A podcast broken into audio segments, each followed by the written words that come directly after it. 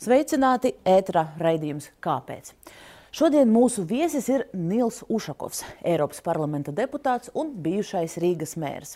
Ilgus gadus, neskatoties uz Krievijas agresīvo rīcību, Ušakova vadīta saskaņa un arī pats politiķis turpināja sadarboties ar kaimiņiem un arī nenorobežojās no politiskās vadības Kremlī. Beidzot, tas ir noticis. Jautājums, vai nav par vēlu? Runāsim par šo saskaņas politisko nākotni un arī citiem jautājumiem.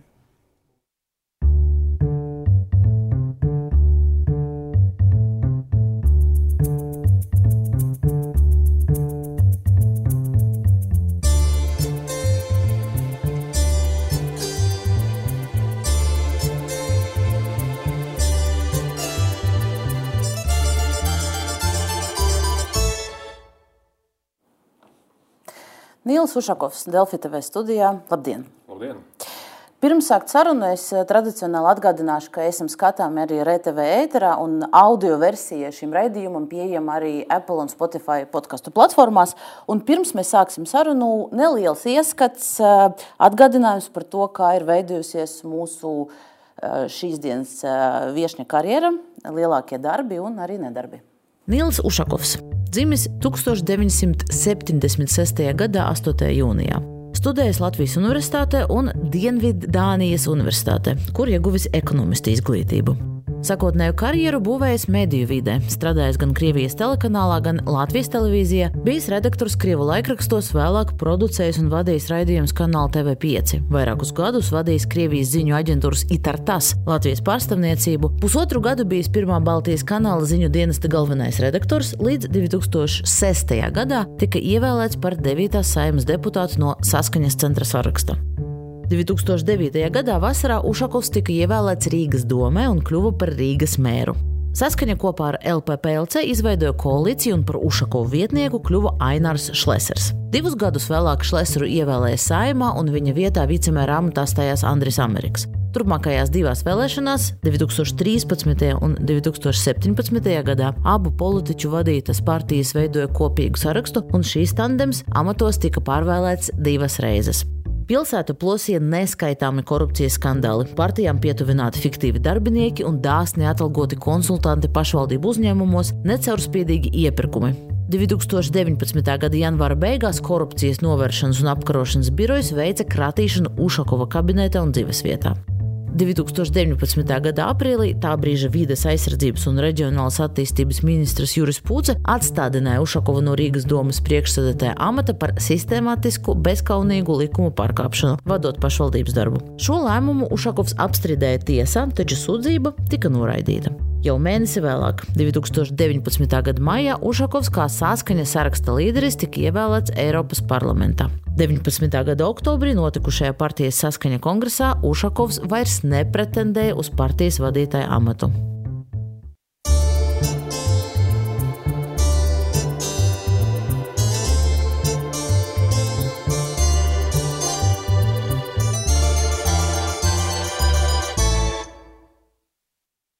Un sākumā par aktuālāko. Šobrīd uh, tuvojas 9. maija, un iepriekš eh, aicinājāt tos, kas agrāk 9. maiju ir svinējuši, tiešām ar lielām svinībām eh, pie pieminiekļa Pārdaugava un citur. Šogad to nedarīt. Um, ko jūs pats 9. maijā darīsiet?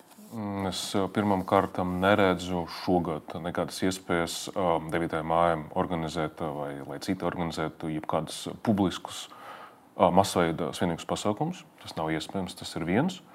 Otrais, to, ko mēs esam aicinājuši, un arī turpināsim aicināt cilvēkus uz 9. māja, vai nu pieminēt to mājas ģimenes lokā, vai nu aiziet uz kara kapiem. Cilvēkiem nedrīkst liekt, ja viņiem ir tāda vēlme, nolikt arī ziedus pie pieminiekļa pārdaugā. Tas neliekas to policijai. Jā, jā, jā, tas, tas, tas arī ir šajā situācijā. To, ko dara policija, manuprāt, patreiz ir ļoti profesionāli un pareizi. Gribētu viņam novēlēt arī veiksmi 9. māja. Pats es 9. māja visdrīzāk izskatās, esmu Strasburā, jo 9. māja ir pēdējā diena tai lielai konferencei par Eiropas nākotni. Esmu viens no tiem delegātiem no parlamenta, un man tur ir jābūt. Un arī, kā esmu teicis, ja mēs runājam un aicinām cilvēkus nolikt ziedus šajā dienā, kara kapos, nu, Strasbūrā ir arī vietas, kur var nolikt ziedus pa godu, nu, pieminējumu. ar kādiem argumentiem savus vēlētājus, kuri pieraduši, pieraduši tiešām svinēt, jūs šogad aicināt nu, nesvinēt? Es domāju, ka speciāls arguments šajā situācijā cilvēkam arī nevajag piemeklēt, jo cilvēki arī visu ļoti labi redz un saprot. Es domāju, ka absolūtais vairākums no Latvijā dzīvojušiem, krieviski runājušiem pilsoņiem, nepilsoņiem, iedzīvotājiem, um, viņam nevar ienākt prātā, ka šogad 9. māja varētu uztaisīt kaut kāds liela mēroga, jeb kāda mēroga svinīgas pasākumus. Līdz ar to mēs vienkārši aicinām visus uzvesties atbilstoši apstākļiem. Tas būtu pareizākais. Vienu nelielu fragment es gribu iespēlēt mm. no, no jūsu teiktā kolēģiem Latvijas televīzijā nesen tieši par 9. māju. Ukraina tajās vietas, kur otrā pasaules kara laika Krievu un Ukraiņu karavīri karoja pret nacistiem, tagad Krievu karavīri uzbruka Ukraiņu. Līdz ar to nekas, kas varētu būt saistīts ar jebkādu svinēšanu, šogad tas vienkārši ir absolūti nepieņemams. Jāizlabo man sevi, nebija tā Latvijas televīzija, bet gan uh, Rīga 24. Uh, jūs sakat, uh, tagad Krievija uzbruk Ukraiņiem un tāpēc nevar uh, svinēt šobrīd, bet uh, vai jūsu izpratnē Krievija uzbruka Ukraiņiem tikai 24. februārī šogad? Es ļoti uzmanīgi arī klausījos jūsu pieteikumu par, um, par saskaņu, par uh, attiecībām ar Krieviju. Um, iziesim varbūt pa posmiem. Uh, gan Eiropā, gan pie mums Latvijā. Līdz zināmam brīdim visi gribēja, un tas bija absolūti loģiski un dabiski, lai ar Krieviju būtu labas attiecības. Mēs pieņemam to gribēju un vēlējos gan saskaņa, gan vienotība, gan politika nacionālas apvienības. Tas ir bijis pareizi. Un to mēs arī darījām. Tāpat kā to darīja sociāldemokrāti no Vācijas, daudz citu politiķu no daudzām citām valstīm, tas bija toreizējiem apstākļiem vienīga vai viena no vienīgām pareizām rīcībām. Un mēs arī ceram, ka labas attiecības, ekonomiskas, kultūras ziņa, humanitāras var arī palīdzēt mums atrisināt kaut kādas savas problēmas šeit mājās. Dažiem tas bija jaunais vilnis, ja mēs runājam par labām attiecībām, dažiem tas bija šūkšanas tasti, Hermiņam attiecīgi versija. 14. gadā tas no vienas puses bija pēdējais signāls, ka kaut kas ir visdrīzāk neatgriezniski mainījies. Mēs esam palikuši toreiz, es neteiktu, tas būtu nepareizi izmantot vārdu optimisti, bet mēs gribējām ticēt, ka ar to viss beigsies, kas bija 14. gadam. Un mēs esam atkal neesam bijuši vienīgie. Tā bija liela daļa no Eiropas, kas tam gribēja ticēt. Šī bija kļūda. Šī bija kļūda. Un tas, kas ir noticis 24. februārī, jebkādam šaubam vai citiem kaut kādiem aspektiem pielikt punktu. Tā ir. Jūs to saucat par kļūdu, bet jau 14. gadā diezgan ātri kļuva skaidrs, ka Krievija aktīvi iesaist savas militāras personas, pārkāpjot Ukrainas robežu. Mm atbalstot separatistus un arī Krievijas armijas daļas arī iegāja Donbasā. Tas bija plaši ziņos 14. gada vasarā. Jūs tolaik izvairījāties saukt lietas īstajos vārdos un Krievijas rīcību nosodīt. Manuprāt, un es te izvirzīšu tēzi, tā bija nevis kļūda, nevis kļūda bet, bet aprēķins. Nu, Pirmkārt, jebkurš aprēķins var būt pareizs vai ar, vismaz daļai kļūdains. Otram kārtam, tagad, 22. gadā, analizēt, kas ko ir pareizi izdarījis vai nav pareizi izdarījis 14. gadā, ir nu, vienkāršāk nekā toreizes apstākļos. Es atkārtošu vēlreiz savu. Es, es, es pārtraukšu uzreiz. Jā, jā. Kas, kas tolaik jums nebija skaidrs? Krievija izmanto savas, uh, uh, savu armiju pēc būtības kara darbībai Ukraiņas teritorijā. Nu, mēs visi atceramies Jā. zaļie cilvēciņi, FSB cilvēki Donbasē. Es nestāstīšu visu to garo stāstu, jūs noteikti to zinat. Kas, kas, kas nebija skaidrs? Toreiz uh, mēs gribējām ticēt, ka ar to, kas ir noticis Krīmā un daļā no Donbasa, ar to viss aprobežosies. Mēs esam redzējuši arī citur pasaulē līdzīga mēroga konfliktus, kur bija iesaistīts citas valstis. Mēs redzam Sīriju, mēs redzam Afganistānu. Un uh, šī ticība, vēlme tam ticēt, kā mēs runājam par hipotēzēm, tā bija kļūda. Tas ar to nav aprobežojies. Uh, jā, to es patreiz man vajadzētu atzīt. Bet toreiz nosodīt jau tos faktus, kurus, uh, kur, kurus mēs toreiz, redzējām. Toreiz mēs esam izbeiguši eventuāli attiecības, uh, uh, kas bija um, attiecīgi noslēgts tajā līgumā ar vienotu Krieviju. Tikai 17. gadā. Tas bija, event, jā, jā, tas bija eventuālais rezultāts, un to mēs esam izdarījuši, ko es gribētu atgādināt. Tas bija izdarīts um, pirms parlamenta vēlēšanām. Mēs esam toreiz pieņemuši lēmumu nekautrēties un, un iet tālāk uh, definēt savu pozīciju. Bet vēlreiz, uh, negluži, bet... negluži jūs toreiz skaidrojat, ka jūs izbeidzat līgumu nevis uh, definējot savu pozīciju, bet tāpēc, ka iestājāties sociāldemokrāta lielajā saimē Eiropā. Precīzi, un, precīzi. un tas bija viņu uzstādījums, nevis, nevis partijas kaut kāda vēlme. Protams, protams, tas bija absolūti loģiska prasība no PSA, un mēs šo prasību esam izpildījuši, tāpēc, ka bija skaidrs, ka šīs uh, posms ir beidzies, tāpēc, ka šeit vairs nekas. Uh, ko mēs varētu izmantot Latvijas laba, nebūs. Bet bez tā jūs nebūtu aizgājuši, aizgājuši no, no, tā, no šī līguma. Es otrādi varbūt pamēģināšu to chronoloģiju izvērtēt. Tas bija mūsu ilgtermiņa mērķis. Iestāties PES. Es pats biju iesniedzis papīrus, lai mūs uzņemtu PES. 2005. gadā es pat vēl nebiju saimnes deputāts toreiz. Es aizbraucu uz Strasburu un visu to kārtoju. Un, jā, ja mums vajadzēja attiecīgi arī šo formalitāti izpildīt, mēs esam to izpildījuši. Bet, um, es esmu pateicis tagad uh, pie jums tieši eterā, ka tā rīcība Viņi ir skaidrojami ar daudziem aspektiem, bet eventuāli viņi izrādījās kļūdaini. Un, ja mēs tagad mēģināsim tālāk uh, analizēt katru komatu, mēs to varam darīt, bet kļūda bija pieļauta. Tas ir. Man šķiet, tas ir uh, ļoti vērtīgi, ka jūs šobrīd to atzīstat. Un šis ir solis, kas, kas no saskaņas puses nu, nebija spērts līdz šim. Uh, bet tomēr. Uh, bet nu tomēr. Bet, nu, tomēr, bet, nu, tomēr. 14. 15. gads cilvēki Donbasā mirst. Krievijas armija aktīvi iesaistās. Un šajā, šajā laikā uh, es arī režijā uh, palūkšu vienu no video, varbūt uh, nospēlēt. Iespējams, pat ne video, bet vienu audio uh, tādu iespēlēto fragment no jūsu intervijas kolēģiem TVNet uh, arī no 14. gada. Un tomēr Putina rīcība ir kas?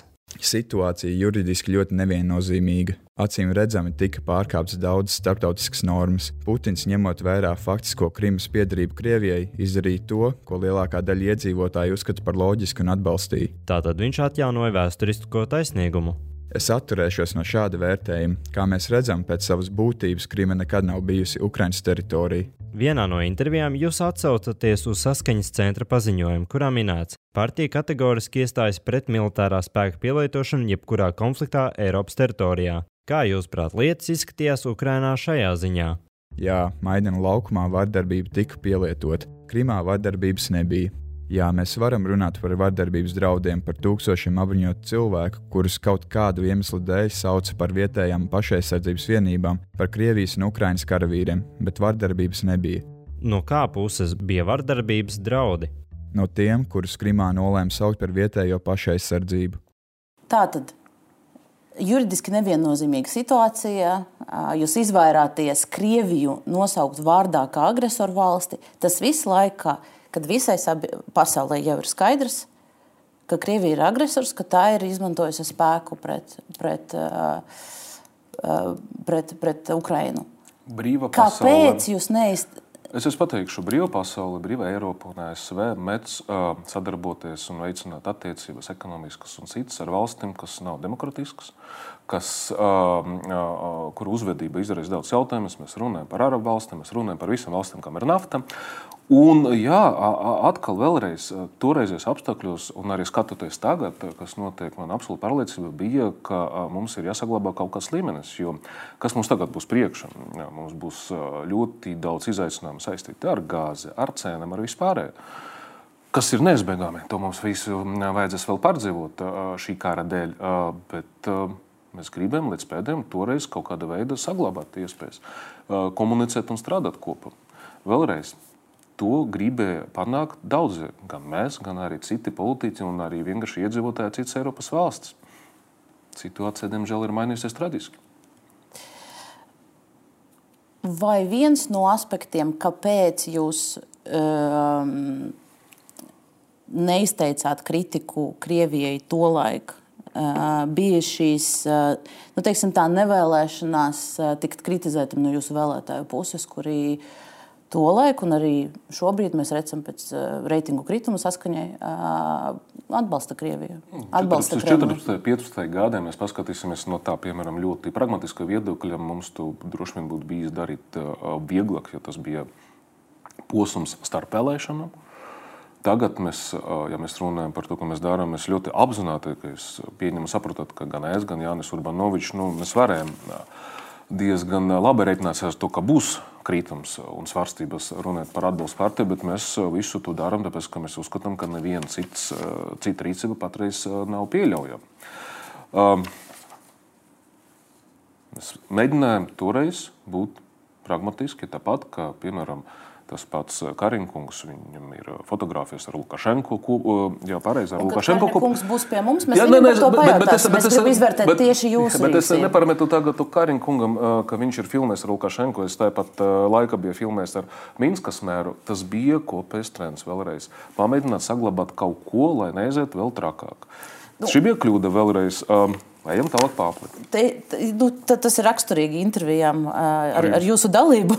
Ar, ar jūsu dalību arī. Bet es, es gan par kopīgu trendu nepiekritīšu, jo tad, kad notika Krimas aneksija, Latvijas saima pieņēma ļoti stingru viedokli, un saskaņa toreiz nenobalsoja. Visi pieņēma, pēc tam palielināja attiecīgi importu, ja mēs runājam par gāzi, Francija turpināja sadarboties. Mēs, mēs, mēs saskaņa uh, nedzīvo atrauti no visiem procesiem, kas notiek Latvijā un uh, arī Eiropā. Tas bija atrauti, visi ne. saima nobalsoja nosodot Krieviju saskaņa Nē. Mēs nevienmēr balsojam tāpat, kā balso sēmas vairākums, un mēs dažreiz arī ar to lepojamies. Bet vēlreiz, gan 14. gada, gan 15. 17. un līdz pēdējiem brīdim absolūtais vairākums, ja mēs runājam par Eiropu, mēģināja ar at, kaut kādas attiecības ar Krieviju turpināt uh, saglabāt.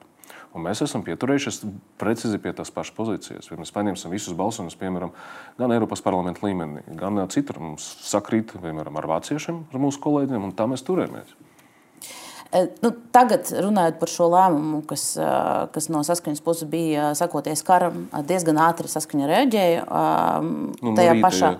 tajā pašā dienā jūs varat, kā tapa šis lēmums? Jūs pamodaties no rīta, redzat, ka tiek krīt bumbas Kīvai, zvana Urbanovičam. Izstāstiet. Man tāds sajūta, ka jūs no kaut kādiem dienestiem saņēmāt informāciju par to Labprāt, dienu precīzi. Nav nemaz šaubu, ka labprāt precīzi rīts ziņas, ka ir sācies karš un zvans viens otram, zvans draugam ar Jāni. Un Jānis, kā partijas līderis, viņš izgāja savu pozīciju, partijas pozīciju. Pirmais pēc iespējas ātrāk tas bija jau no rīta, un es, man liekas, kaut kad pēcpusdienā. Kāda bija reakcija no vēlētājiem? Saņēmāt komentārus, zvanus, cilvēki izteikušies no partijas. Kā tas izskatījās? Mm, smagāk nekā ir bijis, kad mēs esam sakuši, un arī es personiski aktīvi aicināt cilvēkus vakcinēties. Ļoti daļai no mūsu vēlētājiem šis bija smags lēmums no mūsu puses. Mēs varam ātri ieskatīties reitingos, kas martā bija. Arī šī gan ir informācija no Latvijas televīzijas parādīšu. Tā, tā, Saskaņa no pirmās vietas no lielākas partijas kļuva par, par ceturto. Mm, diezgan daudz ir zaudēts. Atkal jautāšu vēlreiz, jūs, jūs iepriekš tā izvairījāties mazliet, bet vai šīs, vai šie reitingi bija tas īstais iemesls, kāpēc toreiz 14. un 15. gadā, kad turpinājās Donbasā uzbrukums no Krievijas puses, jūs saviem vēlētājiem jūs turpinājāt uzstāt nu, izvairīties teiksim, tā, nosaukt Krieviju par agresoru. Tur arī situācija bija nesalīdzināmi vienkāršāka un pieņemt kaut kādus lēmumus vai paziņojumus. Toreiz, es domāju, būtu arī vieglāk. Tagad, ja mēs runājam vēlreiz iziet no kaut kādiem aprēķiniem, mums droši vien nevajadzētu rīkoties, tāpēc ka vēlēšanas ir pēc dažiem mēnešiem. Un es godīgi sakot, arī nepazīstu citus politiskus spēkus, kas būtu gatavi pārliecības dēļ tādā veidā eksperimentēt ar fluktuācijām un svārstībām ar atbalstu. Mēs to esam izdarījuši un punkts. Jūs varat analizēt jebkuru gadu un iepriekšējiem gadiem. Mēs runājam par to, kas ir izdarīts patreiz. Es gan jums nepiekrītu, jo ja šogad jūs ne, ja pēc, pēc raķešu uzlidojumā Kīvē un visam tam, kas sekoja tālāk, saskaņa neiesniegt savu pozīciju, tā būtu pēc būtības izslēgta no nu, jebkādas pieklājīgas politikas uz, uz, nu, uz visiem laikiem. Paldies par vērtējumu. Um, Nepiekrītat? Šo...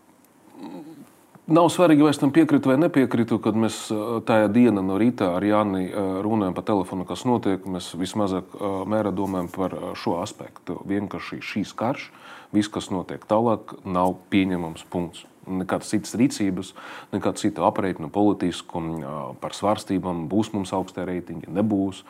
Tas nav svarīgi. Mēs vienkārši to, ko mēs redzam Ukrajinā, tā ir liela gan traģēdija, gan drāmā, arī tīri personiski, ja mēs par to runājam. Un es nevaru iedomāties nekādu citu rīcību no savas puses.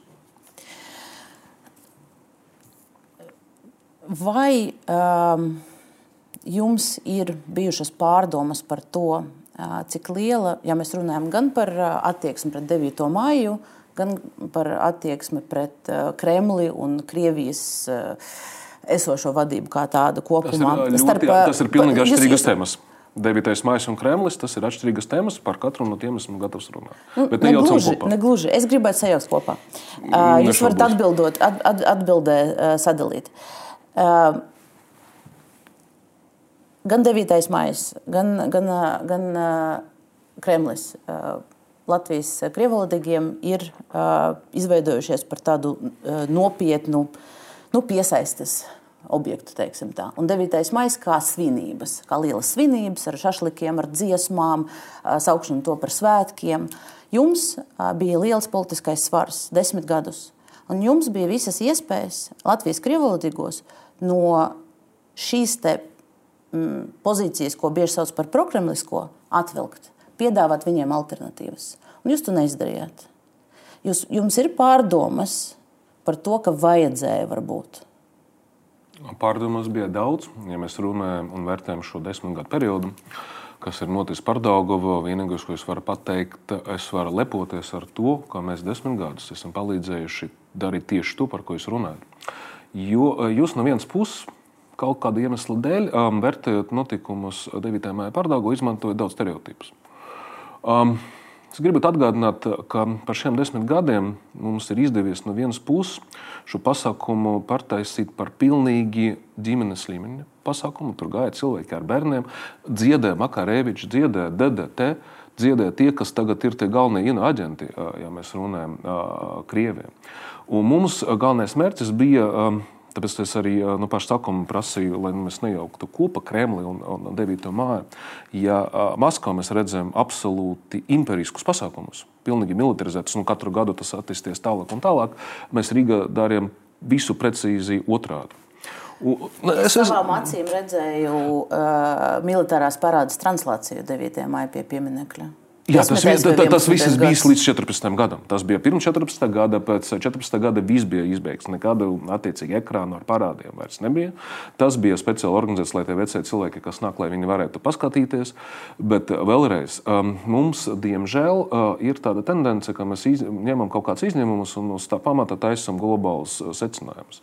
Katru gadu 9. māja bija kaut kāds dažie simti cilvēki, kas uzvedās tā, kā uzvedas parasti, jebkuros svetkos, un skatoties skatoties uz viņiem, man arī bija kauns uz viņiem skatīties to, ko viņi dara. Tika attiecīgi vispārināts uz visiem pārējiem simtiem tūkstošiem, kas piedalījās šajā svētkos. Un šis ir ļoti atkal, uh, personisks datums manai ģimenei, un es atkal es savu attieksmi pret 9. māju nemainīšu. Šajā situācijā mēs runājam par karu Ukrajinu, par to, kas notiek. Absolūti ne, nav pieņemami šogad kaut ko publiski masveida organizēt, bet 9. māju es pieminēšu šoreiz ģimenes apstākļos, tāpēc, ka tas ir saistīts ar uh, cilvēkiem, kas man ir tuvi. Līdz ar to, to ko mēs darām desmit gadus, Tas bija precīzi to, ko vajadzēja darīt Latvijas labā. Mēs minimizējam visu, kas saistīts ar militāro, ar Krievijas un ar uh, impērijas kaut kādiem motīviem, un darījām to, gribējām organizēt, kā ir citas valstis, ka tas ir nu, tāda uh, skaista piemiņas diena. Tad tādi pasākumi Latvijā, ko mēs ļoti labi saprotam, vairs nebūs. Tas vairs nenotiks, un tas, tas ir diemžēl fakts. Nu, jūs pats 9. maiju saucat, kā tas bija līdz šim, gan par svētkiem, gan par piemiņas dienu. Es, gan, gan, es, es gribētu nodalīt. Jo nu, mēs varam paskatīties uz piemēru Izrēlā, teiksim, kā notiek holokausta atceres diena. Izraēlī, Izraēlī ir, ņemot vērā tieši holokaustu, ir cita specifika un cita attieksme pret to, kas ir saistīts ar 9. māju. Bet un, ņemot, citu, Izraēla šogad arī atcēla bet ņemot, bet ņemot vērā to, cik kontroversiāls ir šis datums un ka rīkojot svētkus, jūs sāpināt to citu, nu, sauksim to par citu sabiedrības daļu, jums bija iespēja tikai par atceres dienu. To, to, uh, tikai, tikai par, Nē, es es par, saprotu, un, ka lūdzu, es joprojām uzskatu, ka uh, fakts, ka uh, nacisms toreiz bija sagrauts, ir vērts to ne tikai pieminēt, bet arī dažreiz nosvinēt. Jo mēs, pateicoties uh, Ukraiņas karam, uh, atsevišķi, es pabeigšu tomēr, mums atsevišķi jau aizgāja pavisam cita jau kaut kāda galība, sakot, ka no tā fona, ko Krievija tagad dara Ukraina, pat to, ko darīja nacisti, vairs nav tik būtiski. Nē, nacisma sagravē ir uh, vērts pieminēt uh, arī ar svētku pasākumiem, kas tagad atkal um, daudzu gadu garumā visdrīzāk nākotnē uh, vairs nebūs iespējams kara dēļ. Bet karš jau kopš 14. gada risinās. Kā arī notiek, diemžēl, Ukrainā, no Krievijas ja, ja agresora puses. Kopš 14. gada bija samabordēta Sīrija. No Afganistāna ar drausmīgu kaunu rietumi aizgāja atstāt tur cilvēkus, kas palīdzēja rietumiem un Eiropai. Atstāt tur munīciju lielāku nekā mēs patreiz piegādājam Ukrainai.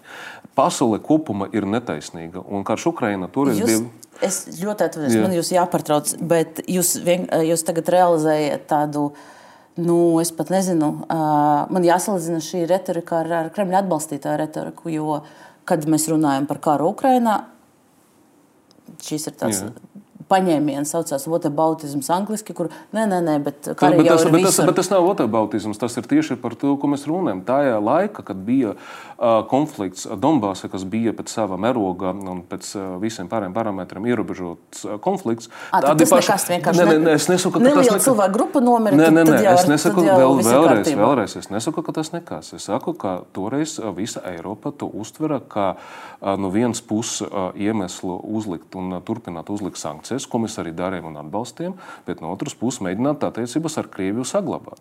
Tā, tas bija toreiz uh, Eiropas tāda bija politika, ko mēs arī uh, atbalstījām. Jūs visu laiku pāplī uh, prasat pateikt, tas bija nepareizi. Jā, tas bija nepareizi. Un?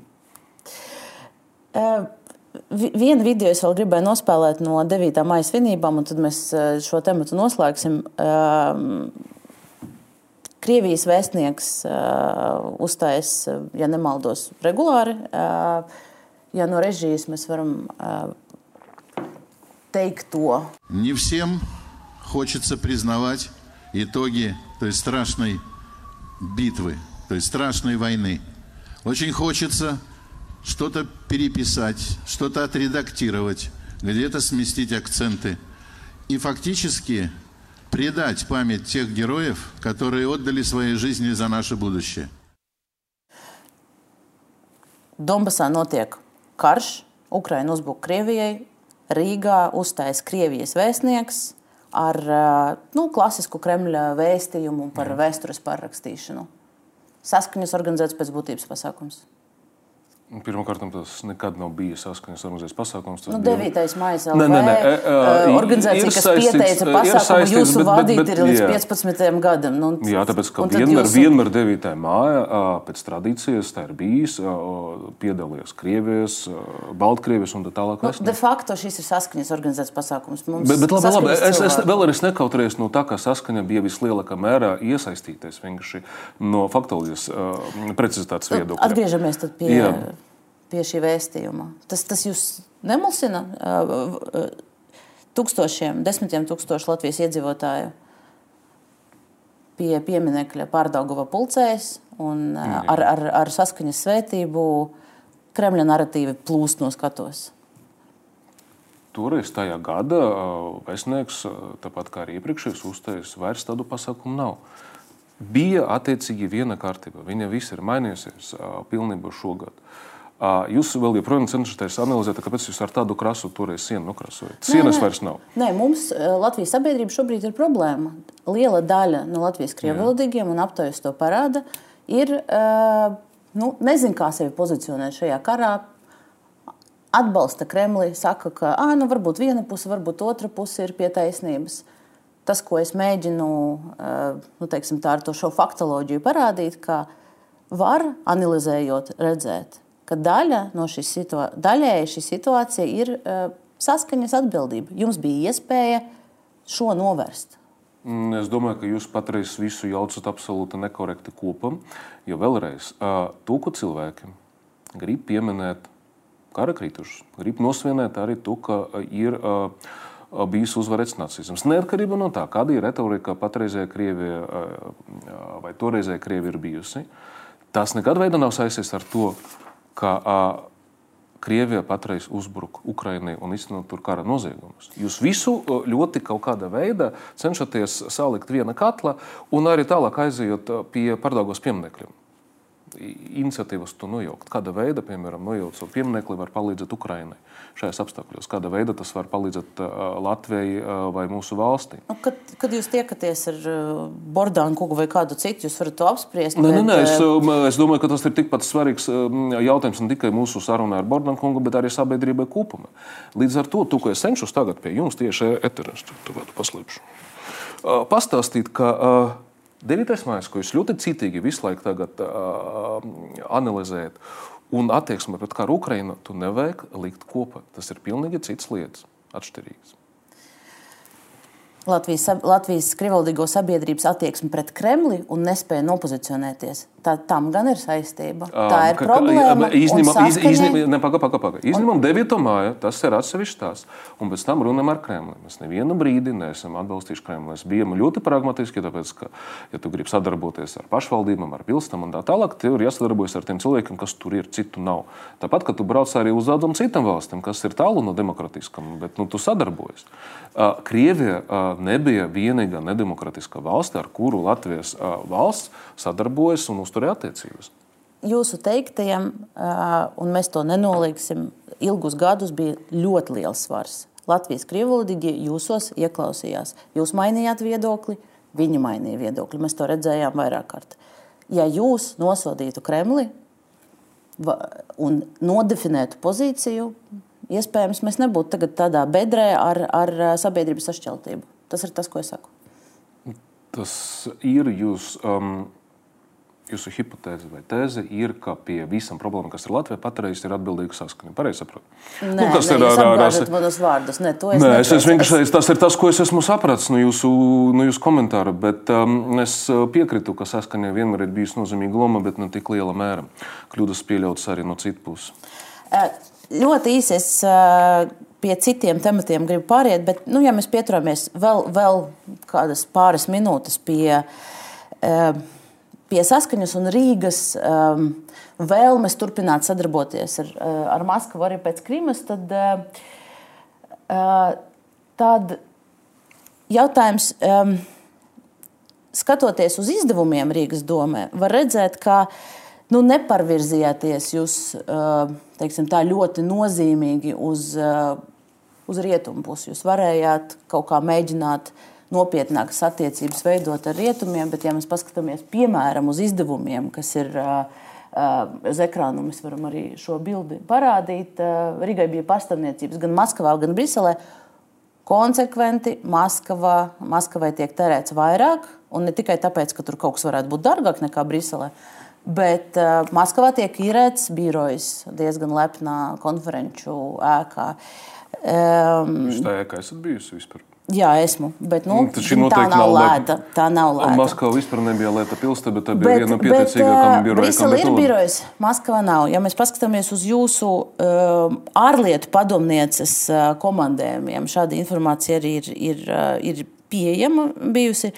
Uh, deviņos gados 70% komandējumu uz Maskavu Eh, arī pēdējos gados, arī 17. un 16. gadā. Jā.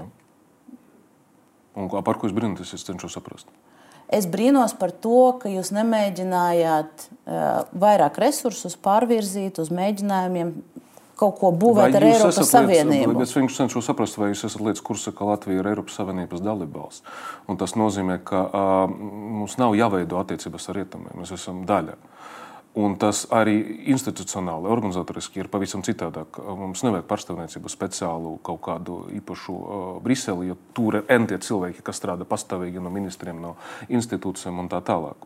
Tas ir vienkārši nu, kā funkcionē pasaule. Viņi, no tiem nu, visiem nu, resursiem ir kaut kāds pienesums bijis šajos gados? Uh, es, es pabeigšu daļai vismaz to atbildi, ja drīkst. Um, ja tu esi Eiropas Savienībā, tu pavisam citīgi funkcionē. Ja mēs runājam par trešām valstīm, Krievija, citas, tad tev ir ja, nepieciešama pārstāvniecība un kaut kāds manuālā režīma darbs, lai tas attiecības veidot. Un tieši tādā veidā tas arī atspoguļojas. Mēs runājam par pilsētu budžetu, kas bija pāri vienam miljardam. 30 tūkstoši ir, lai ņemot vērā to, kas jau ir Eiropas Savienība, lai papildus uzturētu attiecības, un 6-8 tūkstoši ir biroja Maskavā. Par ko mēs runājam tagad? Nu, bet tas atspoguļojas kaut kādā rezultātā. Ja mēs, ja mēs paskatāmies, piemēram, uz. Rezultātu, kā, tu... jūs, kā jūs plānojat rezultātu mērīt? Nu, es kādu? nezinu, jūs bijat mērs, jūs mērījāt droši vien rezultātu atdevi. Visas šīs pūles komandēm un tā tālāk. Nu, jā, ja mēs runājam par rezultātiem, mums bija turisms, mums bija tranzīts, mums bija pietiekoši daudz, ko mēs okay, varējām parādīt. Par, par turismu, tad, tad ja jā. mēs paskatāmies uz turistiem, no, šī, ir, šī ir grafika, kur ir nu, divas nopietnākas pozīcijas, no kurienes nāk turisti uz Rīgu. Nu, eh, no Krievijas pēc būtības eh, pēc 14. gada tikpat daudz kā no Vācijas. Jā. Eh, nu, neizskatās, ka bija liels rezultāts visām tām pūlēm ar turismu. Pagā, pirmkārt, pēc 14. gada saglabāt 10% no turistiem no Krievijas. Tas bija labs rezultāts, ņemot vērā kopējo globālo situāciju. Un vēlreiz, mēs patreiz runājam par 6000 gadu, ko pilsēta tērēja birojam, kas bija absolūti pareizi Maskavā, toreizējos apstākļos. Pilsēta ar budžetu virs 1 miljarda. Vēlreiz, par ko ir jautājums? Nu, iespējams, ka, ka 60 tūkstoši skan nedaudz, bet nu, es neteiktu, ka tā ir gluži metama nauda. Ārā. Es nesaku, ka tā ir gluži metama nauda. Es vienkārši visu vērtēju kaut kādā nu, kopējā kontekstā, nevis izraujot to ārā.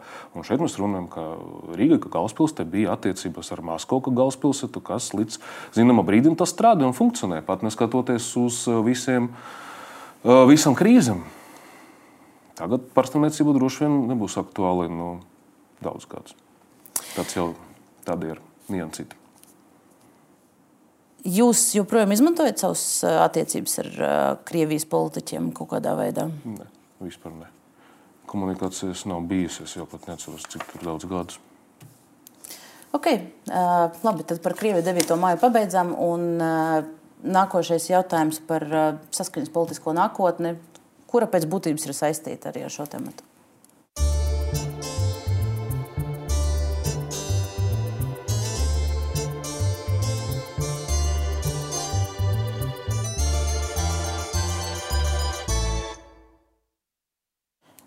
Vai jūs piedalīsieties tagad kampaņā pirms saimnes vēlēšanām, kas ir gaidīti šogad? Ko jūs domājat ar kampaņu? Nu, es noteikti kā viens no partijas cilvēkiem un partijas domas priekšētājs kaut kādā veidā palīdzēšu partijai šajās vēlēšanās. Tas ir absolūti loģiski. Nu, būtu dīvaini, ja to nedarītu. Kandidēsiet? Nē. Es zinu, ka man ar šo atbildi nevienmēr veicas. Ne. Jūs uh, esat jau izvēlējušies, kas būs uh, premjera kandidāts, piemēram? Par to lēms uh, partija. Pirmais būs etaps kongress, kas ir šo svētdienu, 1. māja. Un pēc tam mēs pieņemam, tas būs galīgais lēmums partijas valdē. Uh, ir, ir aplēses, uz cik, cik vietām jūs cerat saimā šogad? Ir. Neteikšu. Kādas? Desmit? Vai nu mazāk, vai nu vairāk. Redzēsim. Uh, nu, ja mēs ņemam pēdējos reitingus, atkal man jāatsauc, jāatsaucās uz Latvijas televīzijas kolēģu pasūtīto mm, SKDS pētījumu, tad nu, pēc būtības divreiz ir samazinājies saskaņas atbalsts. Gan arī 20% tagad, pēdējās vēlēšanās, tagad 11,5%. Um, nu, šīs, šīs varētu būt kādas desmit vietas aptuveni. Jā, varētu būt vairāk, varētu būt mazāk, bet uh, vēlreiz priekšā ir daudz mēnešu ar ļoti globāli traģiskiem uh, notikumiem. Nu, mums tas ir jāsaprot. Un, uh, Mēs patreiz nevaram prognozēt, kādā veidā tie notikumi izmainīs un ietekmēs uh, viedokli Latvijas sabiedrībā. Plus, uh, ja mēs runājam par to, kas notiek pie mums mājās, ir riski, ka arī pie mums notiks kaut kāds uh, provokācijas, kas var ietekmēt arī kopēju situāciju. Līdz ar to es dotajā brīdī reitingus kā tādus visiem politiskiem spēkiem, nu, atturēties vēl salikt ar prognozēm. Reitingiem nozīmē akadēmiska ziņa būs droši vien pēdējiem augustam to jau varēs kaut kādā veidā attiecināt uz vēlēšanu rezultātiem. Patreiz tas ir tā, pat nav hipotēze. Vai jums šobrīd ir skaidrs, kur, kur eh, starp februāru un martu pazuduši tie vēlētāji, uh, samazinoties reitingiem saskaņā pēc, pēc uh, Krievijas nosodījuma? Viņi nav pārgājuši pie citiem politiskiem spēkiem. Viņi vienkārši patreiz ir šoka no tas, kas notiek kopumā. Nerunāsim par saskaņu. Pārāk liels gods būs šajos apstākļos. Jo... Tieši saskaņā krītās reitingi. Nē, nē, nē, nē, nē es, es, es pie saskaņas noteikti ņemat vērā. Jūs raidījuma specifiku atgriezīšos, bet uh, cilvēki, kam dzimta valoda ir krievi, viņi ir šokā no tā, kas notiek uh, globāli. Tas ir. Nu, Es nezinu, kā to latviešu nosaukt. To es biju dzirdējis tādu apzīmējumu, ka tas ir Mirovazrinčiski šai ziņa krīze. Un, um, pasaules uztveres. Nu, pasaules Jā. uztveres tā, tādā veidā varbūt varētu uh, pārtulkot. Un šeit uh, attieksme pret politiskiem spēkiem kopumā un saskaņu, ka tāda ir daļa no šīs lielas krīzes. Ko jūs darīsiet, lai viņus atgūtu? Visu to pašu, cilvēkus. ko mēs esam darījuši līdz šim brīdim. Mēs neesam mainījušies. Mēs esam tādi paši, kā esam bijuši 23. februārī. Mēs no vienas puses, kas ir būtiskākais tagad, ja mēs runājam par Latviju, tas ir apiet tom, kā ekonomiska krīze, kas tagad tuvojas. Viņa būs pēc saviem mērogiem plus mīnus 91. gads. Tas nozīmē arī ar struktūrālām izmaiņām ekonomikā, ar veselām nozarēm, kas izies cauri ļoti smagiem pārbaudījumiem un ar ļoti smagu sociālo krīzi. Un šeit mums ir jāgatavojas tieši tagad, un man ir ļoti liels bāžas, ka mums patreiz gāzes eh, rezerves veido tie paši cilvēki, kas veido vakcīnas rezerves. Līdz ar to primārais ir, eh, kādā veidā mēs šo ziemu pārzīmosim. Eh, tas ir viens. Vispārējais jau būs pēc ziemas aktuāli. Nu, mums ir jādomā par tiem vēlētājiem, jūsu, kas ir nu, vīlušies jūsu izteikumos un sagaida no jums Krievijas atbalstu. Mēs arī varam redzēt, gandrīz pie katra jūsu ieraksta sociālajos tīklos, nu, šī ir, šīs ir galvenais temats. Jā, precīzi. Ko jūs darīsiet? Kā jūs šos cilvēkus atvilksiet atpakaļ pie sevis? Ar ekonomiskiem tematiem? Es pirmām kārtām īstenībā negribētu izmantot vārdu atvilksiet. Nu, tā vienkārši runāt par vārdu izvēli. Jo neviena nekur vilkt vai nevilkt, ne man ir tiesības, ne tas būtu pareizi. Mēs runāsim un teiksim visu to pašu, ko mēs darām tagad. Ja jūs gribat no manis sagaidīt kaut kādas šaubas, ka mēs tomēr mainīsim savu pozīciju, nesagaidīsiet. Bet, nē, nē, nē, nē, nē, nē, nē, nē, nē, nē, nē, es arī izmantoju iespēju jums to atgādināt. Um, Ja, ekonomika un uh, tie paši vārdi ar cīņu, ar mēģinājumu saprast, ar mēģinājumu kaut kādā veidā pārliecināt vai nesatracināt, vienkārši ļaut cilvēkiem uh, paņemt laiku, lai pašiem saprastu, kas notiek. Tā, tāda veida. Jūsu uh, aktivitātes arī uh, sociālajos tīklos liecina, es gribu uz ekrāna parādīt vienu no ierakstiem. Uh, Latvijai nav. Uh, nav jāatriebjas uh, saviem krieviem par Kremļa rīcību. Precīzi. Un, jā, bet, bet paskaidrojot šo, jūs izceļat lietas, jūs izceļat tās lietas, kas šķeļ Latvijas sabiedrību šobrīd. Nu, pareizi, tāpēc, ka šīs lietas ir jāizbeidz, lai nešķelt tālāk. nu, kā ja es jums pasaku, ka jums ir nezinu, temperatūru, un droši vien jums ir vīrus, ko esmu vainīgs pie tā, ka jums ir temperatūra, ka man nedrīkstēja par to runāt, ka tas ir nepareizi. Ir lietas, kas notiek pie mums mājās caur vienu vietu, piedodiet, lūdzu, un es saku, ka tas nav pareizi. Bet jūs šīs lietas izceļat lielākas nekā tās ir. Jūs runājat savās atklāti, piemēram, par to, ka esot mēģinājumi likvidēt izglītību Krievi, Krievu valodā, bet, bet tā ir. Neminot to, ka tas, kas tagad notiek, ir jau sen ieplānots. Tas nav jā, nekas, kas tagad jā, precīzi, ir noticis pēc kara. Precīzi, un jūs to noformulējat, ka kaut kāda atriebība Krieviem šādā veidā Krievos radot atkal to sajūtu, ka viņi ir apbežoti. Paga, paga, paga. No, Pirmkārt, ja es eh, atceros pareizi, eh, tieši tagad pēc kara parādījās eh, no izglītības ministrijas piedāvājumi nekavēties jau no 1. septembra visu izglītību. Pilnīgi tikai viena valoda, gan bērnu dārzos, gan skolas. Es atvainojos. Tas ir turpināšana tam, kas jau gadus tiek realizēts. Es atvainojos. Jā, kaut kādas kļūdas bija pieļautas iepriekš, un tagad ar vēl lielāku intensitāti, vēl um, nedrošākais apstākļos tiek atkārtots. Tas, jūsuprāt, ir pareizi? Bet ja tas ir plānots jau sen, paga, paga, kaut kādas kļūdas ir plānotas jau sen, tas padara tas kļūdas mazāk nozīmīgas. Nē, vai vai tai kļūdam nevarat, ir noilgums? Nē, bet apgalvojot, ka tā ir kaut kāda atriebība Krievijam šobrīd, jūs manipulējat. Nē. Nu, es vēlreiz es nemanipulēju. Iziesim uh, cauri. Ir izglītības ministri kas ir valdības un vadošās koalīcijas pārstāvji, kas pasaka, ka tagad ir pateicoties karam Ukrainā, mums ir jāizbeidz viss, kas mums ir saistīts ar divvalodību, bilingvālu izglītību. Mēs to gribam īstenot no 1. septembra. Paldies Dievam, ka koalīcija pieņem lēmumu to tālāk kaut kur zem tepiņa.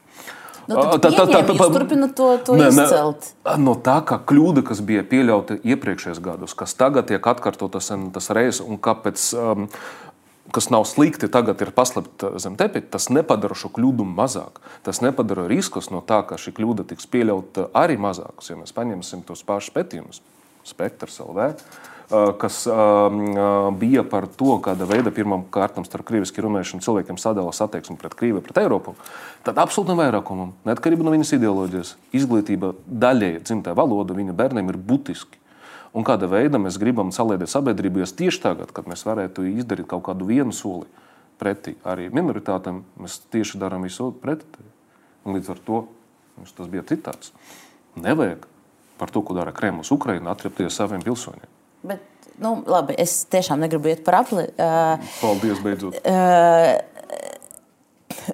Un Tas vēl viens. Tagad, ja? Jā, es domāju, etrisātori to nedzirdēju.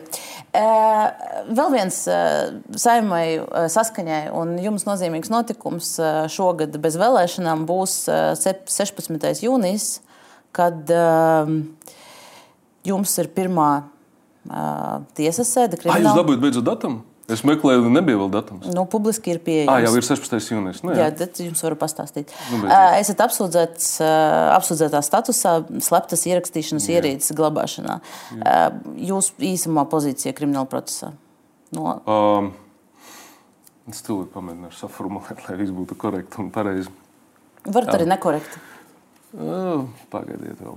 Um, Šis būs ļoti mm, interesants tiesas process. Es nevaru iedomāties, ka šajā procesā es varētu zaudēt. Um, tas viss kopumā, kā tas bija veidots, kā tas attīstīsies un tā tālāk, tas, tas būs interesanti daudziem, kad šī tiesa sāksies. Tas ir viss, ko es gribu teikt. Es gribu teikt, ka es tiku apsūdzēts par to, ka pie manas kabinetā atrada salimētu, kaut kādu paštaisītu. Mēs dikti un ilgi mēģinājām to nosaukt pareizi latviešu. No rezultātā vienojās, ka tas ir krāms. Un, um, kur nebija nospieduma nekā cita. Un tas notika trīs gadu laikā ar uh, visam izmeklēšanām, publicitāti un tā tālāk. Interesanti būs. Bet tas bija kāds, kas jūs izspiegoja? Vai jūs, redzēju, vai jūs kādu izspiegojāt? Um, no tām fotogrāfiem, ko es redzēju, nevarēju panākt ne pirmo, ne otru. Jo fotogrāfijas, ko man rada izmeklēt, bija kaut kāda tāda kaste ar vadu, kā datoram. Ot, ot, kāds jums tur kas nu, padara visas lietas ļoti slepenas. Es nezinu, kā to var izmantot. Man viņš izskatījās kā kaut kāds suvenīrs, kad man rādīja tas fotogrāfijas no spiegu muzeja. Bet nu, šis ir jā, kā ir. Nu, sekosim līdzi, bet Noteikti, jā. šīs, kāpēc ierīci pie jums atrada, jo bija kratīšanas jūsu kabinetā, mājas, mājās, sakarā ar korupcijas izmeklēšanu par iespējamo korupciju Rīgas satiksmē. Tūlīt arī par korupcijas lietām parunāsim sīkāk. Droši.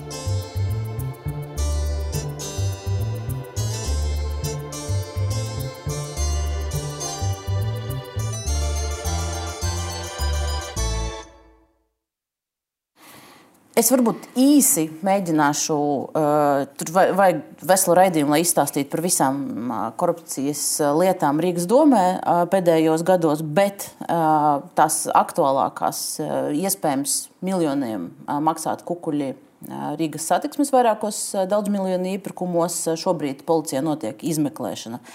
Ir vairākas fiktīvo darbinieku lietas, gan Rīgas nama pārvaldniekā. Tur Viena no darbiniecēm ir atzinusies, lieta joprojām ir tiesā. Konsultanti Rīgas satiksmē ir gan policija izmeklēšana, gan arī Rīgas satiksmes esošā valde ir vērsusies pret, ar prasību pret bijušo valdi atmaksāt līdzekļus par iespējams fiktīviem līgumiem. Rīgas turisma attīstības biroja lieta. Tur ir uh, vesels lērums ar dažādiem, daža, dažādiem, dažādām aizdomām, iespējamā fiktīvā nodarbinātība, iespējama dokumentu viltošana, iespējamā naudas aizplūšana politiskiem mērķiem. Vai jebkurā no šīm vai citām lietām esat pēdējā laikā aicināts liecināt tiesā izmeklēšanas stadijā? Nevienu. Tas ir viens, otrais. Un, tas, tas... Vispār ne, nevienā nekad. Nu, par Rīgas satiksmi es neko nevaru pateikt. Notika tas kratīšanas, un tas bija vienīgais. Um, vienīgā aktivitāte šajā procesā. Mēs runājam par vispārējo. Man grūti kaut ko jums pateikt. Vienīgais, um, jūs esat pieminējuši visos gadījumos vārdu iespējamais, um, tie iepirkumi, kas ir bijuši. Patreiz tiek uh, iztenoti, jo tā visa piegāde, ko mēs redzam, jaunie tramvaji, tas ir tieši tie līgumi. Neviens jau nesaka, ka tie tramvaji nav īsti. No, Aizdomas ir, ka vienkārši ir piemaksāts, lai lai to tra tos tramvajus nopirktu. Jā, bet tramvaji tiek piegādāti un tie līgumi paliek. Un, uh, droši vien tas arī ir zināmā mērā atbildēm uz daudziem jautājumiem. Ja mēs runājam par tiem uh, konsultantiem, par tiem cilvēkiem, es, nu, es vienkārši īsi, nu... īsi pārtraukšu. Šī, mm. šī, šī nav atbilde. Nu, otkati un, un, un kukuļošana nav saistīta ar to, ka tas tramvajs ir no kartona. Tie ir saistīti ar to, ka iztērēts vairāk līdzekļus un daļiņa ir novirzīta nezinām kam. Mm, vēlreiz. Um, Tie līgumi, to, ko es redzu, es nezinu detaļās, kādā veidā viņi patreiz joprojām tiek iztenoti. Un vienu brīdi tramvajs no kartona Rīgai nepiegādātu ne, pie viena sasaukuma. Nu, tas ir tā. Mēs redzam tikko tā jaunajā sasaukumā. Uh, kad visi ir vietnieki, NT kaut kādi darbinieki ar algām. Ar pa, paga, paga, paga, paga, nē, nē, nē, nē. Mums ir 8 minūtes raidījumā palikušas. Jā, bet es arī es gribu arī par visu parunāt. Nu, ko jūs man ierobežojat? Mēs runājam par taboru. Taps ir likvidēts. Tā vieta ir izveidota aģentūra, kur strādā divreiz lielāks Jā, skaits. Jūs, jūs, diemžēl, vai par laimi šo raidījumu nevadat, tāpēc, tāpēc parunāsim bet es atbildu uz jautājumiem jums. Jā, un jautājums ir par, uh, mēs varam sākt. Uh, Nu, jūs sākotnēji atbildējāt, ir, ka nu, ne, nebi, nebijāt, vat, kad uh, knapi darbinieki izgāja no kabineta. Kopš tā laika liecināt, nebijāt. Ap... Nu, nu, es gāju liecināt, entus reizes par to savu slavenoto aparātu. Izņemot kasti par iepirkumiem, par konsultantiem. Nebija. Nebijāt. Okay. Es sapratu, ka jums ir žēl, bet nu nebija. Es atļaušos īsi nocitēt uh, pati savis, sevis uh, gatavoto sižetu. Uh, pirms trīs gadiem mēs runājām par Rīgas turisma attīstības biroju. Tur arī bija kratīšanas un bija aizdomas par to, ka nauda ir ceļojusi nu, neparedzētos ceļos. Mm. Ja tūlīt mēs atradīsim šo, šo sižetu, es lūdzu mani atvainot par nelielu aizkavēšanos. Uh, Labi, šo konkrēto varbūt es tagad šobrīd nevaru atrast. Uh, mazliet citu. Uh, es īsi izstāstīšu par Rīgas turisma attīstības biroju. Saskaņai bija līgums. Uh, iespējams, līgums, iespējams, cita veida kaut kāda vienošanās ar uh, Vācijas konsultantu Lucu Meijeru. Viņš jums veidoja priekšvēlēšanu kampaņu. Jā, vienlaikus samaksājumu visu. Jā. Cik jūs viņam samaksājāt? Jāskatās tās papīrus, tur viss, kas ir atskaits knaba. Jūs domājat, ka es atceros 18. gada atskaitu precīzi? Vienlaikus Rīgas domas nodibinājums, Rīgas turisma attīstības birojas uh, ir 300 tūkstošus pārskaitījis šī paša uh, Vācijas konsultantu uzņēmumiem par uh, kampaņām Rīgas, do, Rīgas reklamēšanai. Šīs kampaņas nekur nav atrodamas. Vistic, pēc viss izskatās, ka šīs kampaņas neeksistē. Nu, mēs gribētu jums arī chronoloģiski atgādināt, um, ka viss tika izkratīts. aģentūra tika likvidēta, un kurš un kura brīdī varētu īstenot tās kampaņas, nu, liels jautājums. Bet, nu, labi. Tad jūs gribat teikt, ka visu izkratīja un likvidēja pirms viņš kaut ko paspēja izdarīt. Tā ir jūsu versija. Es pirmkārt neesmu nekad kontrolējis, kad kurš no partneriem ko sagatavo. Ja mēs runājam par pašvaldības darbu, tas ir nu, atkal no organizēšanas viedokļa mazliet citādāk izskatās. Bet vēlreiz. Ja es nemaldos, tas ir bijis 18. gada saimnes vēlēšanas, par ko es runāju. Tas bija 19. gada notikumi, tagad ir 22. gads. Un man arī rīcībā nav nekādas informācijas, ka tas no jūsu izteiktam aizdomām būtu atzīts par pareizu. Man vairs neko, es godīgi sakot, nevaru jums piebilst. Izmeklēšana joprojām notiek. Nu, tāpēc nu, mēs jā. arī nezinām. Nu, jā, bet nu, pagāja jau mentie gadi. Okay. Varbūt viena lieta, ko es iespējams varētu atcerēties labāk. Mēs savukārt ziņojām arī, ka 70 tūkstoši eiro šim pašam Vācijas konsultantam ir novirzītas nevis no Rīgas turisma attīstības biroja, bet no Rīgas domas. Un, Un neliels citāts no tā, kā ārlietu pārvaldes uh, vadītāji skaidroja šo. Uh, Firmas, ar ku, kuras šos seminārus organizēs, arī tika izvēlētas domas vadības līmenī.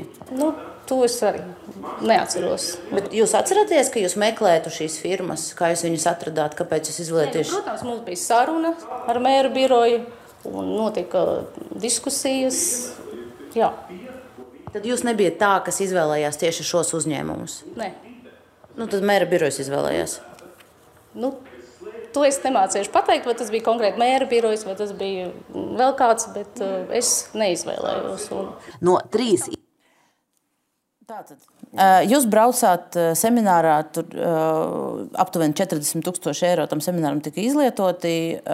Pēc visas spriežot, ar to pašu konsultantu, kas eh, kaut kā rīkoja neatrodamas uh, Rīgas reklamēšanas kampaņas. Nē, ne, reklamē... vēlreiz, ja, kas, kas ja, ja jūs esat kaut ko nesat atraduši, tas nenozīmē, ka tas bija neeksistējušas uh, lietas. Tas, nu, pagaid, nu, tas ir viens. Nu, vienkārši, nu, tā, pēc, nu, Uz šo es īsti atbildēšu, ja 300 tūkstoši iz, izlietoti uh, Rīgas reklamēšanas kampaņai. Uh, Spānijā, Zviedrijā un Vācijā nu, kaut kādām pēdām bija jāpaliek. Nebija vispār nekas atrodams. Kas jums ir licis domāt, ka nav pēdu un nekas nav palicis? Jūs esat daļa no izmeklēšanas komandas, vai jums dod izmeklēšanas materiālus, kāpēc jūs domājat, ka nekas nebija izdarīts? Nu, tas ir jautājums. Un tāda, ar tādu pārliecību to pasniedzat.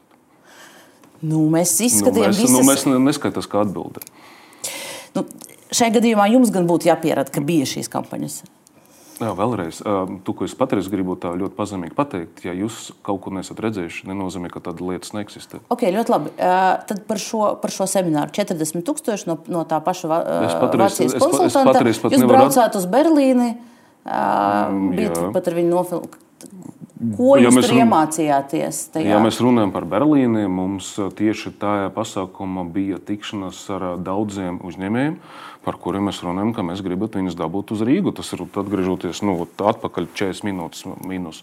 Kāpēc mēs neveidojam attiecības ar rietumu? Mēs to esam darījuši tieši pēc tāda paša parauga, ka mēs esam veicinājuši attīstību attiecības ar Krievijas pilsētām. Berlīna bija tikšanās ar nozīmīgiem cilvēkiem. Mēs stāstījām viņiem par to pašu attiecīgi attīstību Skansas kvartālā, par iespējamu atbalstu no pilsētas. To tieši, ko jūs no manis gaidījāt. 40 tūkstošiem eiro. Jautājums ir par ko? Tas ir daudz vai maz? Nu, izklausās ļoti daudz priekštikšanās ar uzņēmējiem, un, lai stāstītu viņiem par Rīgas uh, plāniem. Nu, vēlreiz, ja mēs runājam par um, to, lai nopirktu biļeti un satiktos, droši vien tas izmaksā mazāk. Bet, ja tu organizē lielu pasākumu un tas ir galvaspilsētas līmenī, tad izmaksas nu, Eiropā, Rietuma Eiropa ir plus mīnus tās pašas. Varētu būt. Nu, vispār šim bija jābūt semināram, kur, kur, kurā jums bija kaut kam jā, jāiemācās, nevis, es, nevis, nevis tikšanās. Es atvainojos, ja es tā kā tev līdz galam nav skaidrs, kam tērēt šī nauda. Kas jums ir skaidrs? Es tiešām nevarēšu nokomentēt, bet es zinu, ko esmu darījis. Esmu runājis ar uzņēmējiem, lai viņi varētu uh, sākt strādāt arī pie mums Rīgā. Es nevaru atkal saprast, par ko jūs šoreiz man cenšaties parmest. Pirms es, es kaut ko vēl jums pārmetīšu, man jāatvadās no RTV skatītājiem, jo lineāra televīzija, kur mēs arī esam pārraidīti, uzliek noteiktus ierobežojumus. Tāpēc šī diskusija šobrīd uz šī, šīs nots beigsies, bet Delfi TV ēterā mēs gan ar Ušakovu kungu turpināsim runāt par korupcijas skandaliem Rīgas domē. Paldies un atvadamies no RTV. Un Delfi studijā turpinam. Eh, vēl viena lieta, par ko uh, daudz jums netika prasīts, jo, jo kad viss attīstījās, jūs jau bijat uh, citā līmenī Eiropas parlamentā, Rīgas satiksmes konsultanti. 46 aptuveni cilvēki, vairāk nekā 60 līgumi. Mēs ar kolēģiem to laiku saskaitījām, ka 28 ir saistīti ar saskaņu. Uh, tur bija gan cilvēki no jūsu biroja, uh, gan cilvēki, jums vienkārši tuvi draugi, gan žurnālisti no tuva saskaņai loka, gan deputāti no Rīgas domas no saskaņas.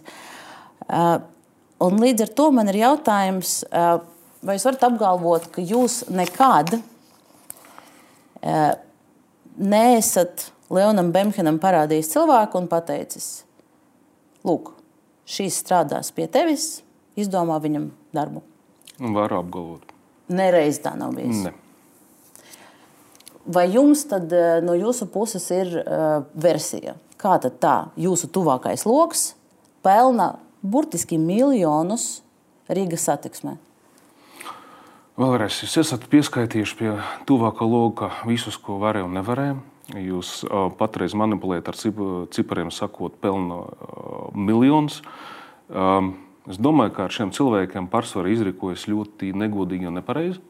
Publiski viņu izlamājot un iesaistot visus šajos procesos. Un par to kādreiz droši vien šiem cilvēkiem arī vajadzēs atvainoties. Bet, nu, kā ir?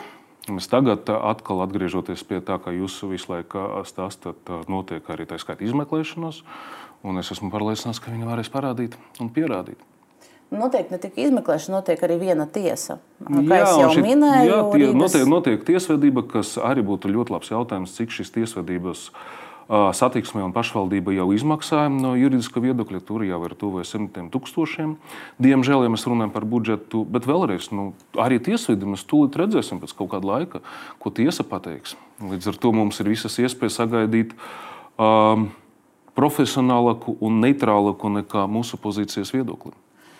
Es gribu nospēlēt nelielu fragment interviju ar advokātu, ar juristu, kas pārstāv Rīgas satiksmi šobrīd tiesā, kur es atgādināšu, Rīgas satiksmes vadība esošā ir vērsusies ar prasību pret bijušo valdi, tā skaitā pret Leonu Bemhenu, par to līdzekļu atmaksu, kas bija veltīti un pārvirzīti šiem konsultantiem. Lūk, neliels fragments no, no tās intervijas. Lasot arī atskaites ļoti vispārīgs. Konsultēju, apskatīju, izvērtēju. Uh, nu, tādas, ko parasti, kad nav ko rakstīt, tad, tad tādās vispārīgās frāzēs uzrakst. Ja.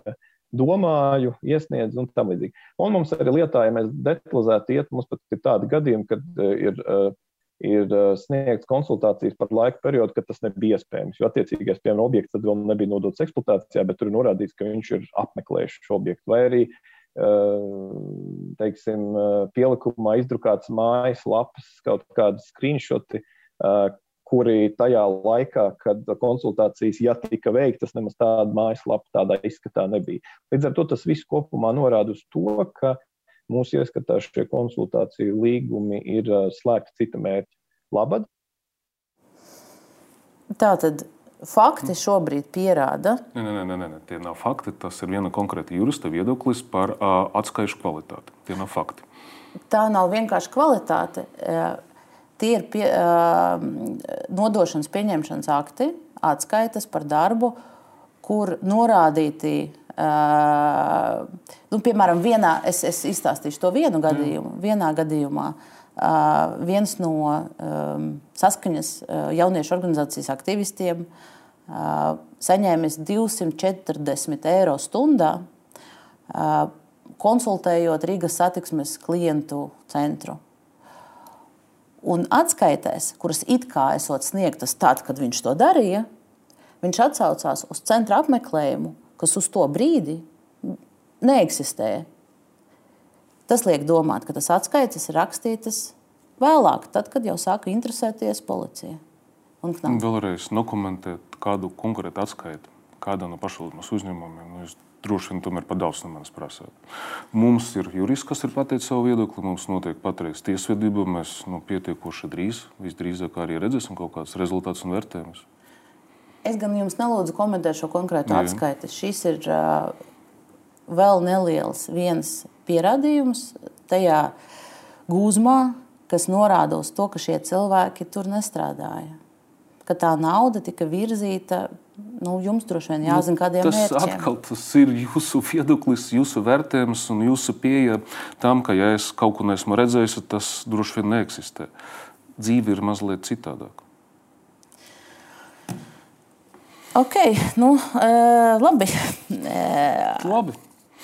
Tur mēs varam varbūt īsi vēl par Rīgas nama pārvaldnieku. Nē, nē, nē jūs aiziesiet pāri un mums izmetīs no studijas. Neizmetīs, neizmetīs. Viss būs kārtībā līdz kongresam. Svētdien gan jau pabeigsim. Tur vēl citi plādi ir, bet nu labi. Rīgas nama pārvaldniekā gan viena no iesaistītām iespē, personām, tur vesela nodaļa ar, ar iespējams fiktīviem uh, līgumiem. Un viena sieviete bija atzinusies, ka līgums bija fiktīvs un atmaksājusi summu. Un? Un tur visa nodaļa ir cilvēki, kas ir saistīti ar saskaņu, kas Vēlreiz, ir saistīti jūs, ar jums. Jūs esat tikko teikusi, ka viena kundze atzinusies un atmaksājusi. Nezinu, kas te pa kundze, nezinu, par ko mēs patreiz runājam. Olga Mūrniece atmaksāja 7,5 mm, tūkstošus eiro. Atkal, Olga Mūrniece, man tas neko neizsaka. Tas pierāda to, ka šī nodaļa tiešām fiktīva bija. Ne, tas patreiz vēlreiz pierāda, ka cilvēks, kuru es nepazīstu nekādu no veidiem, Olga Mūrniece, ir uh, pārkāpus likumu. Tas ir punkts. Jūs mm. visu laiku cenšaties paņemt atsevišķus faktus un tālāk ekstrapolēt uh, kopumā sistēmiski. Tā nevienmēr ir pareiza pieeja. Nu, vai šī bija pareiza pieeja? Es domāju, ka galu galā vienā brīdī tiesa mums tiešām parādīs, jo Rīgas nama pārvaldnieka lieta gan tiesā šobrīd atrodas, un tad kaut kādā jā, brīdī. Jā, kura gada, bet jā. Precīzi, Kaut kad tiesa. mēs redzēsim šos rezultātus. Uz atvedām es gribēju jums prasīt par paša politiskiem plāniem turpmāk. Tātad šogad nekandidēsiet. Uh, 24. gads Eiropas parlamenta nākamās vēlēšanas? Nu, no visiem viedokļiem, ņemot vērā arī to, ka es biju neviennozīmīgi ievēlēts 19. gada, man noteikti vajadzētu iziet caur pārbaudu 24. saņemt vai nesaņemt, to mēs redzēsim. Atbalstu no vēlētājiem, lai tālāk lemt par visu pārējo. Vai nu, turpināt strādāt Eiropas parlamenta gadījumā, esmu ievēlēts, vai pēc kāda laika pieņemt lēmumus atgriezties aktīvākā vietā politikā. Nu, to mēs redzēsim pēc kāda laika. Neviennozīmīgi ievēlēts šoreiz? Uz, uz Neviennozīmīgi ievēlēts tas nozīmē, ka jūs visu laiku skraidiet pakaļ, un to visu jums tas patīk, un mēs visi esam pierāduši pie tā. Un tāda veida, tāda gaisotne notiek toreiz Eiropas parlamenta vēlēšanas. Es jums skraidīju pagaļ, jo jūs nevēlējāties, nepiekritat intervijām, lai atbildētu uz apsūdzībām par korupciju. Mēs esam jau pierāduši pie tās tradīcijas. Tātad, iespējams, 24. gadā kandidēsiet. Uh... 24. gadā tas partija būs jālem, tas ir viens. Bet, jā, bet jūs tas... vēlaties? Nu, tas būtu ļoti loģiski saņemt vērtējumu to, ko tu esi izdarījis. Un vienīgais veids, kā tu demokrātiskā sabiedrība var saņemt vērtējumu, tas ir iziet ar vēlēšanām. Okay, tad, tad iesiet uz nākamajām 25. gada uh, pašvaldību vēlēšanas. Sāksim ar 24. Ok, labi. Uh, nu tad ar šo arī noslēdzam uh, šo raidījumu. Paldies par uh, dalību. Piedodiet, ka neatnācu uz pirmo raidījumu. Nevarēju. Jā, aicinājām arī agrāk, bet nu, izpildījāt savu solījumu un atnācāt šoreiz. Paldies par to, paldies par diskusiju. Um, arī atvedamies no mūsu skatītājiem. Atgādināšu, ka pirmdien Delfi TV studijā atgriezīsies raidījums Sprieda ar Delfi. Mēs esam pieejami arī podkāstu platformās Spotify un Apple. Varat klausīties audio versijas, RTV arī atkārtojumi esam redzami. Paldies Šuko kungam vēlreiz, skatītājiem paldies un uh, tiekamies pēc nedēļas.